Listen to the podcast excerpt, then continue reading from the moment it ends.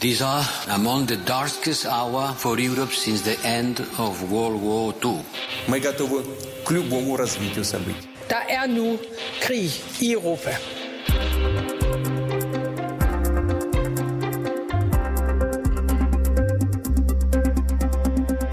får øh, præsident øh, Putin mere NATO på sit dørtrin. Sådan øh, lyder det fra NATO's generalsekretær Jens Stoltenberg i forbindelse med de forandringer, der lige nu sker i NATO under topmødet i Madrid. Og lad os lige opsummere det vigtigste. Finland og Sverige er kommet tættere på et NATO-medlemskab, efter det lykkedes at få Tyrkiet til at støtte de to landes optagelse i alliancen. Og NATO's såkaldte reaktionsstyrke for den østlige flanke øges desuden markant i antal. Dermed styrkes alliancens forsvar mod øst i den største opgradering af forsvaret siden den kolde krig. Du lytter til Krig i Europa, hvor vi i dag har fokus på især NATO's styrkelse af den østlige flanke.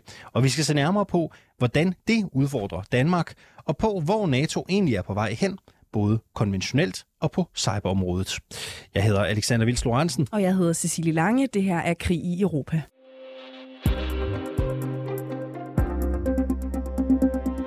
De østeuropæiske lande og især de baltiske lande har presset på for at få NATO til at øge antallet af tropper langs deres østlige grænser, og det øh, ønske er til synlædende blevet hørt.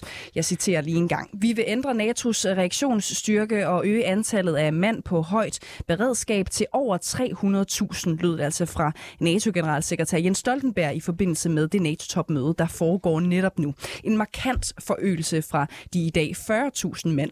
Og den her styrkelse vil udfordre NATO NATO's medlemslande her iblandt Danmark, øh, lyder det fra Lars Bangert Struve, som er generalsekretær i Atlant Sammenslutningen, som i de her øh, dage er med til NATO-topmødet i Madrid. Alexander, du fangede ham på en øh, forbindelse i går og fik ham til at uddybe, hvordan det her helt konkret vil udfordre Danmark. Det vil jo udfordre os ved, at vi skal gøre langt flere styrker klar meget hurtigere, end hvad vi havde troet. Og det har vi simpelthen ikke forberedt os på. Vi har troet, at at vi havde en, en, en lang tid at skrue op for forsvaret. Men meddelelsen fra Jens Stoltenberg vil blive bekræftet i løbet af de næste par dage. Det er, at NATO simpelthen øh, er bekymret over, hvad Rusland kan finde på, og det gør, at man skal have mange flere styrker, der er klar med det samme. Og det er Danmark ikke klar til, og det kommer til at give os nogle gevaldige problemer med, at vi skal simpelthen lave en helt ny produktion i forsvaret, om jeg så må sige, så vi er i stand til at lave mange flere store styrker meget hurtigere. Hvordan får vi løst det? Jamen, det kræver et nyt mindset i forsvaret. Det kræver et nyt mindset i forsvarets ledelse. Øh, det kræver, at Finansministeriet ikke blokerer for det her.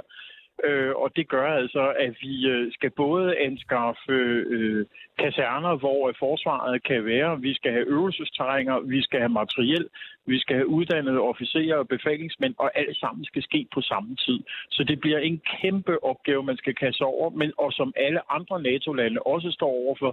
Og det gør, at vi rigtig, der vil komme rigtig meget tryk på, på at få produceret uniformer, artilleri, øh, ammunition, gevær, alt, alt vil der være tryk på i hele Europa øh, og Nordamerika. Så det gælder om at komme ud af starthullet nu, så man kan få tingene til en rimelig pris. Lad os lige få slået fast. Øh, hvem skal den her 300.000 mand store reaktionsstyrke egentlig bestå af? Den skal bestå af enheder fra hele NATO, øh, i princippet i hvert fald. Der er nogle NATO-stater, der er undtaget fra at sende styrker ud af deres eget område, fordi man regner dem for de områder for at være så truede, at, øh, at de skal bare blive der. Men, men sådan, helt generelt set, så skal hele NATO øh, producere styrker, der kan gå i rotation og blive øh, trænet på det, man kalder for østflanken, altså de stater, der ligger meget tæt på Rusland. Og hvad skal øh, styrken konkret? Styrken er fordelt er ikke én samlet styrke. Det er en lang række forskellige enheder, der skal opstilles på typisk brigadeniveau, men som også skal, det er sådan 4-5.000 mand, og det skal trænes sammen i divisioner på en, en 12-16.000 mand, men de skal altså placeres i øh, blandt andet Estland, Letland, Litauen, i Polen, øh, efter al sandsynlighed også øh, Rumænien, øh, Slovakiet osv., Øh, og der skal de indgå i et samarbejde med de lokale styrker, så man meget hurtigt i tilfælde af en krise kan komme på plads, og efterfølgende i værste fald, hvis det ikke virker som en stærk nok afskrækkelse, optage kampen med, med russiske styrker. Hvilket land ville være mest oplagt for Danmark? Jamen altså, Danmark er allerede på nuværende tidspunkt til stede i, i Estland og Letland, så det vil typisk være de steder, at vi skal sende styrker til. Øh, vi, vil, vi har også det, man kalder for air policing, det betyder øh, flyvevåbnet øh, flyver over dele af, af Østersøen og Baltikum. Øh, vi har øh, flyvevåbnet, der jo også øh, passer på Island. Øh, flåden skal være til stede både i, i øh, i Østersøen, men også i Nordatlanten, så man kan være med til at sikre overførsel af styrker fra, fra Nordamerika til Europa. Så det er den virkelig brede palet, vi er i gang med lige nu. Vil vi i Danmark overhovedet kunne levere flere styrker, der kunne stå klar, som det er nu? Ikke nu. Det er vi simpelthen ikke i stand til. Øh, vi har skåret forsvaret så hårdt, at det, det er vi ikke i stand til. Men vi bliver nødt til at kigge på, hvordan kan vi hurtigt lave et produktionsapparat, der kan producere de her styrker, sådan at de første styrker kan være klar om et halvt år, og så øh, komme op i tempo meget hurtigt. Øh, da vi havde engagementet i Afghanistan, der kunne man producere en øh, kampbataljon på cirka et halvt år. Øh, vi skal kigge på, hvordan kan man gøre det, øh, så, så vi kan, kan, kan bruge det. Og det gør nok også, at vi kommer til at se, at øh, at der skal indkaldes øh, flere værnepligtige, der skal ansættes flere i, i forsvaret. Det bliver en kæmpe opgave for samfundet, fordi at der jo er meget lille arbejdsløshed på nuværende tidspunkt, så man er virkelig presset. Øh, ligeledes vil man mangle alt fra uniformer til kampvogne. Men hvad, hvad tænker, øh, Bangert Struve, tror du, de danske politikere, når de hører det her, og de vel og mærker også er klar over, hvilken tilstand vores forsvar er i, som det ser ud nu? Hvad, hvad tænker de lige nu, når de hører det her? Jeg tror, de er ret chokeret, øh, fordi de er ikke blevet klædt på øh, til det her, sådan som jeg har oplevet det, af hverken forsvaret, udenrigsministeriet eller forsvarsministeriet. Altså det her, det her har man ikke været klar til. Øh, det er man måske blevet klar til på regeringsplan over de sidste par uger, øh, måske måneder, men, men almindelige politikere i Folketinget har ikke rigtig fået forklaret, øh, hvor alvorligt det er, og hvor hurtigt det her går. Og det her det var altså også en proces, der, som jeg har oplevet det med mine øh, løbende besøg i NATO-hovedkvarteret og i Bruxelles, øh, og mine kontakter med tænketanker og embedsværk, at, at det er altså noget, der er gået meget hurtigt øh, fra nogle tanker på det her område til, at det går hen og bliver til, til, til, øh, til rigtige planer. Øhm, og det gør, at Danmark skal overveje øh, nogle af vores positioner. Altså vi, i Danmark har vi været meget optaget af, hvad foregår der i Afrika, hvad er bekymringen dernede. Men hele det, man kalder for syddagsordenen, skal vi måske overlade til EU og til de sydeuropæiske lande, og så koncentrere os, så vi faktisk er i stand til at kunne levere hurtigt og effektivt øh, på, på det, man kalder for østdagsordenen prøv, i NATO. Prøv, prøv at altså beskrive mere konkret, hvad du, hvad du mener med det. Med det fokus. Jeg mener med, Jamen, jeg mener med det, at, at vi har været meget optaget af at stabilisere øh, i blandt andet Afrika, i Mellemøsten, sådan, så at der ikke, øh, at de stater ikke bryder sammen, og at der ikke kommer terrorister op øh, nede fra Afrika. Men det tror jeg, at vi i fremtiden må overlade til, til sydeuropæerne og til, til EU, og så bliver vi nødt til at koncentrere os om at levere ind i, i, øh, i Østeuropa, hvor at man står over for en decideret trussel fra Rusland, og hvor at der er en stigende bekymring for, hvad Putins Rusland kan finde på, øh, for eksempel Litauen, øh, Estland og Letland. Du nævner jo, at det her fokusskifte kan være øh, en god idé. Øh, men hvad skal der ellers til? Hvis vi skal prøve at være helt konkrete, hvad skal der ellers til, for at vi i Danmark kan levere de her flere styrker? For at vi kan levere de her flere styrker, så skal vi mange ting på samme tid. Vi skal rekruttere folk til forsvaret. Vi skal fastholde de mennesker, der er i forsvaret. Der er lige nu 600 ledige stillinger i her. Det går simpelthen ikke. Så man skal have fyldt forsvaret op med, med personel. Det skal også uddannes. Vi skal uddanne flere øh, sergeanter, vi skal uddanne flere officerer, øh, sådan så de rent faktisk er i stand til at, at, at kunne rumme de soldater, der kommer. Vi har over de seneste mange år afviklet vores øvelsesterrænger øh, og vores kaserner. Vi bliver nødt til at have kasernefaciliteter, der er moderne, der kan rumme de her soldater. Vi bliver nødt til at indkøbe ammunition, så de her soldater rent faktisk har noget at skyde med. Læreren fra Ukraine er lige nu, man har brug for uhyggelige store mængder ammunition til at kunne føre en, en langvarig kamp.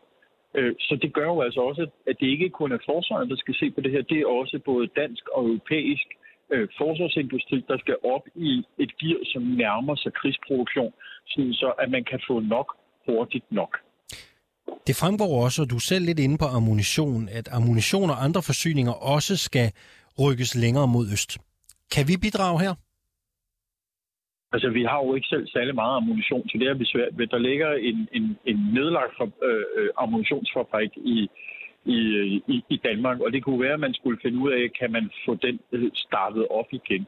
Men altså hernede, hvor jeg deltager i, i NATO-topmødet i Madrid, så er man virkelig bekymret over, kan man hurtigt nok få nok ammunition til hele Europa, øh, fordi lagerne er ved at være tømt. Nogle af NATO-staterne har øh, som jeg hørte hernede, øh, afleveret 25-30 procent af deres lager, så de tør ikke give mere, fordi altså, hvis der kommer en krise med Rusland, så har de simpelthen ikke noget at svare igen med. En markant forøget NATO-reaktionsstyrke, er det den største transformation af alliancen siden den kolde krig, som Stoltenberg siger? Ja, det mener jeg. Jeg mener, han har helt ret, øh, og, og, og det har været det har ligesom været på, på vej igennem et stykke tid. Jeg har antydet det, når jeg har været i, i nogle af jeres gode udsendelser, og, og det er helt klart, at det er noget, som hovedparten af alle danske analytikere ikke har opdaget eller ikke har ville forstå. Øh, det er virkelig en voldsom transformation, og det er direkte svar på, at Rusland er i stand til at sende 200.000 mand med meget kort varsel ind i et angreb imod, øh, i det her tilfælde, Ukraine, men næste gang kunne det være et andet sted. Det kan så godt være, at kampen ikke går helt som man havde planlagt, men de kan altså sende 200.000 mand i krig uden de store problemer. Ja, en øh, voldsom transformation kaldte Lars Bangert Struve altså det, der sker i NATO lige nu. Og det giver os anledning til at se nærmere på, hvor NATO-samarbejdet egentlig er på vej hen, set i lyset af krigen i Ukraine. Og det gør vi nu sammen med vores næste gæst. Det er dig, Lise Viderholdt Christensen. Godmorgen. Godmorgen. Du er forsvarsanalytiker hos Center for Militære Studier, der var en del af Københavns Universitet. Ja. Du vurderer, at NATO's militære muligheder er blevet styrket i lyset af Ruslands invasion af Ukraine. Hvordan det? Ja, men det, det linker jo faktisk lidt tilbage til det, vi lige har hørt øh, Lars Bankert øh, fortælle om, hvordan NATO mobiliserer en, øh, eller skal til at mobilisere en styrke på 300.000 mand, blandt andet. Altså en massiv militær konventionel oprustning i Europa, som betyder, at man på sigt får flere øh, kapaciteter, både flere mænd, men også flere militære øh, kapaciteter i form af skibe, i form af øh, ja, militært udstyr øh, af alt muligt slags, både til hæren og øh, til søværnet og til, til luft. Øh, og der kommer derfor til at være mere og, øh, og, og, og rut med. Ja, og Lars Banger Struve, han siger i det interview, vi lige har hørt med ham, at det er jo i den grad øh, historisk. Hvordan vil du øh, kategorisere det? Ja, det er jeg meget enig i. Det er en, øh, en voldsom øh, oprustning, må man sige, øh, og en historisk beslutning. Vi har ikke øh, haft en styrke af sådan en kaliber siden øh, den kolde krig, så det er en stor beslutning. Den ligger jo ovenpå en række beslutninger, som NATO har truffet de seneste øh, små 10 år siden Rusland annekterede Krimhaløen. Så har man øh, oprustet, øh, ikke så voldsomt som vi ser nu, men i det, det, i det små. Man har skiftet et fokus fra stabiliseringsindsatser øh, langt fra Europas grænse til at have et fokus på det kollektive forsvar. Øhm, og, og, og det er så det, vi ser i accelereret grad øhm, i, i øjeblikket. Nu skal der også skrues op for NATO's reaktionsstyrker i Europa. Man går fra 40.000 til 300.000 mand. Hvor stor en militær succes mener NATO egentlig selv, at den er lige nu? Jeg tror, man har... Øh, man, I 2014 der fik man et, et reelt chok over, at Rusland annekterede Krimhaløen. Og man, man fik et chok, fordi man var så uforberedt. Man var simpelthen ikke gearet til at kunne imødegå en, en, en trussel som, som, som Rusland på daværende tidspunkt. I, i dag, der, der står man jo et, et andet sted, og derfor øhm, kan man sige, det, det, det er en, en historisk øh, beslutning øh, at opruste på, øh, på, på det plan, øh, men, men, men man skal se det hele i led af, at, øh, at, at, at det kommer oven på, på militære reformer, øh, øh, som har været iværksat siden 2014. Vi hører Lars Banger Struve også sige, at det her måske ikke er så realistisk. Altså, at der opstår et spørgsmål om, hvorvidt NATO-landene overhovedet har kapaciteten til det her. Mener du, at de 300.000 er øh, et realistisk tal? Jeg tror, det kommer til at tage noget tid, før vi kommer op på at have en, øh, en reaktionsstyrke på 300.000. Vi har lige hørt Lars Bangerstrofe fortælle om, hvordan øh, Danmark vil være i særdeleshed udfordret ikke? med at kunne øh, finde øh, personel, øh, ansætte, fastholde personel i det danske forsvar. Og sådan er der en, en række øh, europæiske lande, der står i øjeblikket. Så på den måde kan man sige, at, at, øh, at der går nok noget tid, før vi, øh, vi har en, en styrke af den karakter.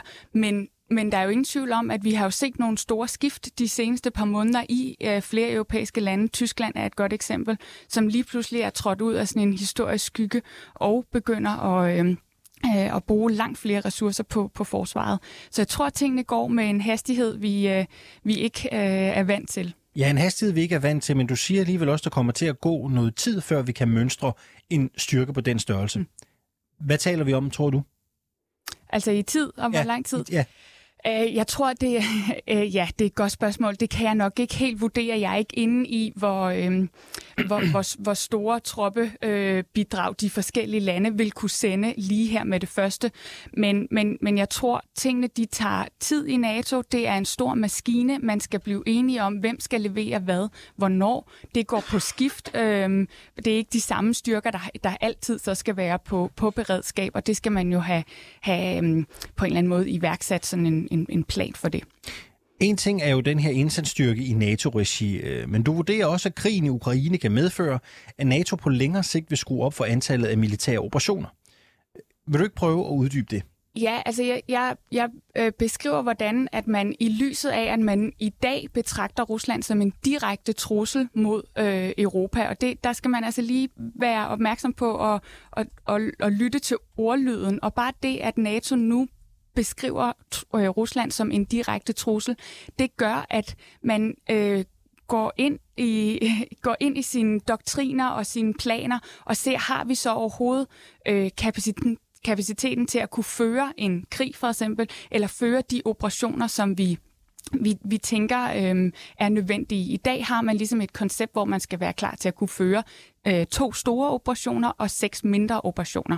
Det jeg påpeger i, i, i mit kapitel i, øhm, i den her CMS-rapport, er, at det kan godt være, at man vil revurdere det, at det skal være øh, en stor operation, øh, større end, end, end to store, som de er defineret nu, og øh, tre mellemstore, eller hvordan det nu end kunne, øh, kunne se ud i forhold til det ambitionsniveau, som NATO kalder det, i forhold til hvilke operationer man skal kunne være i stand til. Så, så hvad bliver det for operationer, vi måske kommer til at se flere af? Er, er det ligne dem, man har i, i Baltikum, eller hvad tænker du, det kan være? Ja, det kunne jeg forestille mig. Altså, jeg tror, at NATO har øh, et et intensivt fokus, øh, både nu og fremover, på øh, det, man ligesom kan kalde afskrækkelses- og forsvarsoperationer. Altså for eksempel lignende den, som man har i, øh, i de baltiske lande og, og Polen i øjeblikket, Enhanced Forward Present.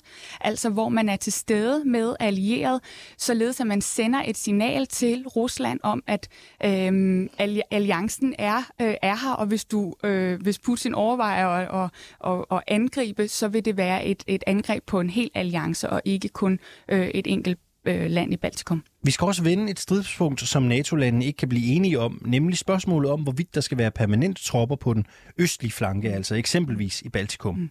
Hvad vurderer du, der kommer til at ske? Jamen altså, jeg synes, det er værd at bemærke, at de 300.000, som man øh, nu har besluttet sig for at opruste med i forhold til sin, øh, sin reaktionsstyrke, den skal ikke være permanent til stede i, øh, i den østlige flanke. Nogle af dem kommer øh, til at være øh, i, i, i øst, men der er også øh, en stor del af de styrker, der bliver ved med at være i hjemlandet. Altså det kunne være i Tyskland. Så derfor så tror jeg, at man stadigvæk fra NATO's side prøver at have en eller anden form for balanceret tilgang til, hvor mange styrker og hvor mange permanente styrker skal der egentlig være i Øst, fordi det netop er øh, et, et øh, kraftigt signal at sende til Rusland, og jeg tror, man fortsat er lidt forsigtig med, hvor øh, massiv den tilstedeværelse bliver i Øst. Øh, så jeg tror, der bliver en balancegang øh, at gå. Der kommer flere styrker, men de kommer stadigvæk til at øh, rotere, tror jeg, som de øh, eksisterende gør. Øhm, og, og det bliver stadigvæk en, en diskussion af, hvor, hvor mange, og, og om det bliver amerikanske tropper. Det er jo også et, øh, et spørgsmål. Ved NATO-topmødet i Madrid, der er Finland og Sverige kommet tættere på et NATO-medlemskab efter at forhandlinger mm. med Tyrkiet mm. har ført til, at landet nu støtter optagelsen. Mm. Men du vurderer, at krigen måske kan få NATO til at genoverveje sin linje om en åben dør-politik for nye medlemmer. Hvad mener du med det? Jeg tror, øh, det, det jeg skriver, det er, at, øh, at det er blevet langt mere betændt i lyset af selvfølgelig den konkrete krig, men også mere generelt den stormagtsrivalisering, der udspiller sig mellem Kina og mellem Rusland og mellem USA. Så hele det sikkerhedspolitiske globale miljø er forandret siden øh, 90'erne og op gennem nullerne, hvor USA bestemte hele. De var verdens politimand, unipolariteten. Nu er der øh, to nye store magter, hvis geopolitiske interesser i langt højere grad skal, øh, skal, skal tages hensyn til. Og det tror jeg kommer til at sætte NATO's øh, øh, forskellige politikker under pres, blandt andet den her åbne dør-politik i forhold til øh, nye medlemmer. Nu har vi set Sverige og Finland øh, blive optaget. De er også så tætte partnere øh, og har været det i mange år. Så det var måske ikke så Øhm, så usædvanligt, at de vil øh, få optagelse relativt hurtigt, men man kan jo se med Tyrkiet, der er geopolitiske interesser og, og strategiske interesser på spil, når man taler om nye medlemslande. Og det vil især, tror jeg, gøre sig gældende med medlemslande, som ligger i, i, i, i den østlige del, altså dem, der lige nu er aspirantlande for at blive medlem af NATO. Hvem det tænker du øh, på her? Jamen, det er Ukraine, det er Georgien, og det er Bosnien-Herzegovina. Tre lande, hvor både Kina og Rusland har øh, store geopolitiske og økonomiske interesser interesser. Lise Viderholdt Christensen, du er forsvarsanalytiker ved Center for Militære Studier på Københavns Universitet. Øh, tak fordi du var med. Måske lige inden du løber, et mm. sidste spørgsmål, det kan vi måske lige nå. Øhm, hvad kommer vi ellers til at se fra NATO's militærdel inden for den nærmeste fremtid? Jamen, øhm, militært, der tror jeg, jamen der kommer vi jo til at se oprustning, og det er det, det kommer til at handle om. Der kommer øh, til at være nye beredskabsplaner, højere, øh, højere øvelsesaktivitet, øh, der, der, det, det, det, og det bliver i øh, nær, Danmarks nærområde, det bliver i Østersøen, men det bliver muligvis også i den arktiske region, hvor vi kommer til at se øh, mere militær til stede. På den poli- mere politiske side, der kommer vi også til at se et NATO, der skal til at adressere øh, udfordringen for Kina. Hvordan øh, håndterer man øh, Kinas voksende globale engagement? Det er et dagsorden, som øh, amerikanerne har drevet, og som europæerne jo også køber ind på, og nu, øh, nu, skal, øh, nu skal NATO i hvert fald også til at, at, at finde ud af, hvilken rolle de øh, vil spille i forhold til Kina. Tak fordi du kom her til formiddag. Selv tak.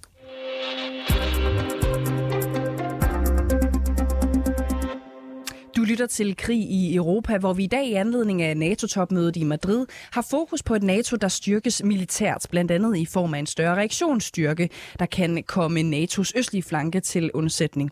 Men frontlinjenationerne mod øst trues ikke kun af russiske styrker, men også af cyberangreb. Faktisk så rammes myndigheder og virksomheder i Litauen blandt andet lige nu af netop cyberangreb. Den russiske hackergruppe Killnet har øh, taget ansvaret for nogle af angrebene, som de siger er gengældelse for Litauens stop for transport af sanktionerede varer til den russiske enklave øh, Kaliningrad, som øh, ifølge af EU-sanktioner mod Rusland. Med på en forbindelse så har vi nu Lasse Kronborg. Godmorgen og velkommen. Godmorgen. Specialist i militær cyberspace-operationer og kaptajn ved Forsvarsakademiet. Lasse Kronborg, øh, bør NATO også styrke beredskabet mod øh, cybertruslen fra Rusland, som vi øh, nu ser ramme jo NATO's østlige flanke i Litauen? Det, det bør NATO, og det gør NATO også. Øh, så så, så, så den, er, den er helt sikker. Altså, cyberspace er jo en flanke, som ligesom har åbnet sig og er i gang med at åbne sig. Og nu ser vi også, at at den bliver udnyttet, blandt andet i Ukraine. Så i forhold til, at i det tilfælde, at man skal kæmpe en krig, så er der altså også en, en flank at, at beskytte og kæmpe på i cyberspace. Og hvordan øh, gør man det? Altså, hvordan kan man forudse, hvad der kommer til at ske, hvad hackergrupperne gør osv.? Jamen, det, og det kan man jo ikke øh, helt, ligesom man ikke kan forudse, hvad der kommer til at ske i de fysiske domæner. Så, så det handler jo så om, at man, man opstiller en beskyttelse, der er tilstrækkelig til, at man kan, øh, man kan forsvare sig selv. Øh, og ligesom alt andet, så handler det jo også om risikovurderinger og prioriteringer, således at øh, man kan sige, at man bruger øh, sin, sine penge og sine kræfter øh, mest øh, økonomisk. NATO-landet øh, Litauen er som sagt under cyberangreb fra en russisk hackergruppe øh, netop nu. Hvad er det øh, konkret for en type angreb, vi ser? Altså, det der sker, øh, vi ser mange forskellige angreb øh, og typer angreb lige nu, men det der bliver rettet i, øh, mod Litauen lige nu, som, som er det vi kan se, peger på, at det er øh, relativt øh, ikke avanceret, ukompliceret angreb, hvor man øh, øh, hvor man øh, aktiverer et netværk af computere øh, til at øh, sende så mange forspørgseler ind mod forskellige server, at de her server de bryder sammen og ikke længere virker. Det er det, man kalder et uh, distributed denial of service angreb. Øhm, og det er, hvad skal man sige, det er, øh, det er et af de, øh, det er de mindre komplicerede øh, værktøjer i hackerens øh, toolbox. Øh, og, det, øh, og det er noget, man kan sige, det, kan, det, det er stort set alle kan betale sig for den service, at lege sådan et botnet, altså et, et netværk af, af fjernstyrede computer til at angribe ind mod nogle mål. De service findes på nettet. Så man kan sige, det er ikke noget, der peger på, at der er en, øh, der er en øh, hverken pengestærk eller øh, hvad skal man sige, avanceret øh, aktør bagved lige det her angreb. Men, men det gør ikke angrebet mindre af den grund. Mm. Det gør der, øh, Ej, og det er det, vi kalder som, øh, som øh, kender som øh, DDoS-angreb. Øh, ja. øhm, vil, og det er, jo, det er jo også det, som, som du er inde på, ikke? at det kan jo for eksempel, øh, det er ikke særlig avanceret, men det kan bruges til at, at lægge øh, hjemmesider øh, ned og så videre. Altså ved vi, hvad, hvad og hvilke hjemmesider det er gået ud over indtil videre? Øhm, jamen, altså noget, der peger på, at det går ud over øh, hjemmesider, der er, og, og webserver, der er øh, forbundet med, med stater. Og her i det her tilfælde øh, øh, Litauen. Så, så der er, øh, der, altså, det peger tydeligt på, at Kildnet har også noget at sige, at de gør det jo, fordi at Litauen har blokeret for transporter af, af, visse, af, af, af visse varer øh, ind til Kaliningrad. Mm. Så, øh, så, så det er jo, øh, hvad skal man sige, connected eller forbundet til den øh, konflikt, der er lige nu. Øhm, men spørgsmålet med mange af de her hackergrupper er jo, er, de, øh, altså, er det nogen, der øh, opererer på ordre fra Putin eller på vegne af Putin? Og det gør altså en stor forskel. Ja, øh, og, og jeg ved jo også, at, at normalt kan det være en lille smule svært at konkludere jo egentlig, hvem der står bag øh, sådan et cyberangreb. Men lige præcis i den her situation, øh, der har en talsperson for det russiske sikkerhedsråd jo været ude at sige, at der vil komme et modsvar på, at Litauen har stoppet for gennemgangen af de her sanktionerede varer til den russiske enklave øh, Kaliningrad. Øh, et modsvar, som ville påvirke øh, alle litauiske borgere negativt, øh, blev der altså sagt. Og så kommer det her cyberangreb. Er det ikke oplagt, at det dermed er øh, Rusland som nation, der står bag? Øhm, ja, altså det er, det er oplagt, at det er forbundet til den konflikt, der er nu i hvert fald. Øh, og, og igen, at der er forskel på, om, øh, om de der øh, aktiviteter, de sker på ordre fra eller på vegne af. For man kan jo sige, en, øh, man kan jo godt aktivere nogle hackergrupper øh, og sige, at I får altså frit løb til at gennemføre jeres øh, aktiviteter, uden vi retsforfølger jer. Øh, for eksempel her i Rusland. I må gerne hacke øh, Litauen. Øh, og vi har jo, vi har vi har jo princippet lidt set det samme øh, fra Danmark, hvor at, øh, man kan sige, en danskere har fået, øh, fået at vide, at hvis de deltager i konflikten i Ukraine, så bliver de ikke øh, retsforfulgt. Og det kunne jo for eksempel også gælde den konflikt, der finder sted i det virtuelle domæne, mm. øh, cyberspace. Et... Så, så, så, det, så det, det kan, man kan godt, det er i hvert fald motiveret af. Men spørgsmålet er, om det er på ordre fra. Og, mm. og, og det kan jeg altså ikke pege på. Og jeg kan godt sidde og, og gætte på det, ligesom du kan, og sige, det virker sådan. Øh, men sådan lige præcis sige, at det er sådan, det, det, det er svært. Øh, noget, jeg synes er interessant i, i den her forbindelse, når vi både snakker om reel krigsførsel øh, øh, på, på landjorden og, og så videre, og så øh, krig i cyberspace, øh, ja. det er, øh, hvorfor, kan man sige noget om det, hvorfor falder den her type af angreb egentlig ikke ind under NATO's artikel 5, øh, som det ville gøre, hvis det var et reelt øh, angreb med våben for eksempel? Altså, øh, hvorfor kan man ikke kategorisere sådan et cyberangreb på samme måde? Øh, det kan man i princippet godt, fordi der er ikke noget i forhold til, at det er et virtuelt domæne, der gør det anderledes i forhold til de fysiske domæner. Så der er ikke noget ved cyberspace, der gør, at artikel 5 ikke også kunne blive praktisk spil. Men artikel 5 er jo bundet op på FN-pakten. Og FN-pakten taler om væbnet øh, angreb. Og væbnet angreb skal være en vis øh, størrelsesorden, før det er et væbnet angreb. Så man kan ikke bare sige, at øh, bare fordi en, øh, en hacker sidder i Rusland og hacker ind i Danmark eller i Ukraine øh, eller et eller andet andet land, at, at det er det samme som et væbnet angreb. Så, så man trigger ikke nogen øh, artikel 5 øh, på den måde. Også, også hvis det ikke kan pege på, at det er en statslig aktør, så skal man måske også se på, at er det noget grænseoverskridende kriminalitet i stedet for, at vi kigger på. Øh, så der, og der, kan, der er jo mange andre ting, man kan gøre, end lige præcis gå i krig, når man får de her, øh, når de her angreb opstår. Øh, der er øh, ikke så mange eksempler. Der er nogle få eksempler på, hvor man har svaret, øh, hvor stater har svaret på angreb i cyberspace med, med fysiske midler. Øh, for eksempel har Israel øh, bombet nogle hackere øh, fra Hamas i øh, 2019, tror jeg det var. Øh, hvor jeg vil sige, hackerne arbejdede fra kontor, og kort tid efter de hackede øh, Israel, så fik de nogle bomber tilbage. Så man kan godt, man kan godt se, at der sker nogle udvekslinger på tværs af domænerne. Øh, og der er ikke noget, der siger, at man skal besvare som sige, angrebet i det samme domæne, som, som angrebet finder sted.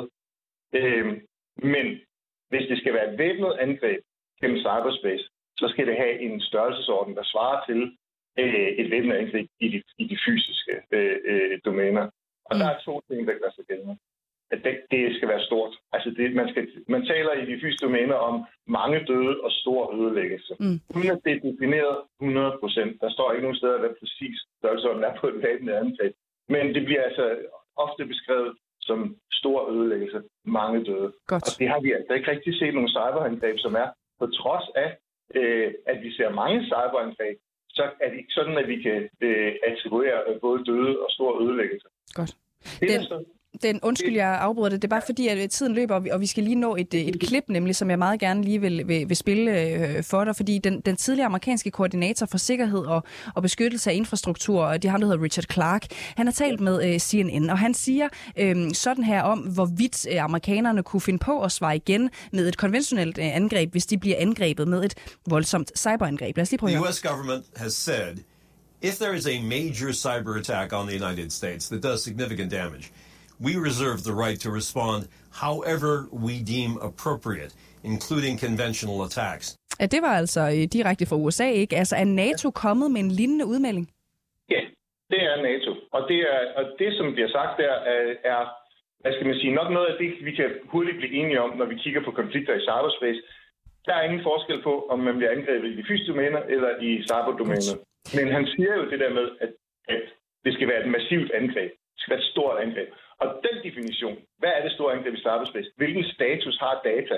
Kan man ødelægge så mange data, at det svarer til at springe en bygning i luften? Godt. Øh, den er vi ikke. Den er vi ikke i mål med nu, den diskussion. Lasse Kronborg, specialist i militær cyberspace operationer og kaptajn ved Forsvarsakademiet. Tusind tak, fordi du var med.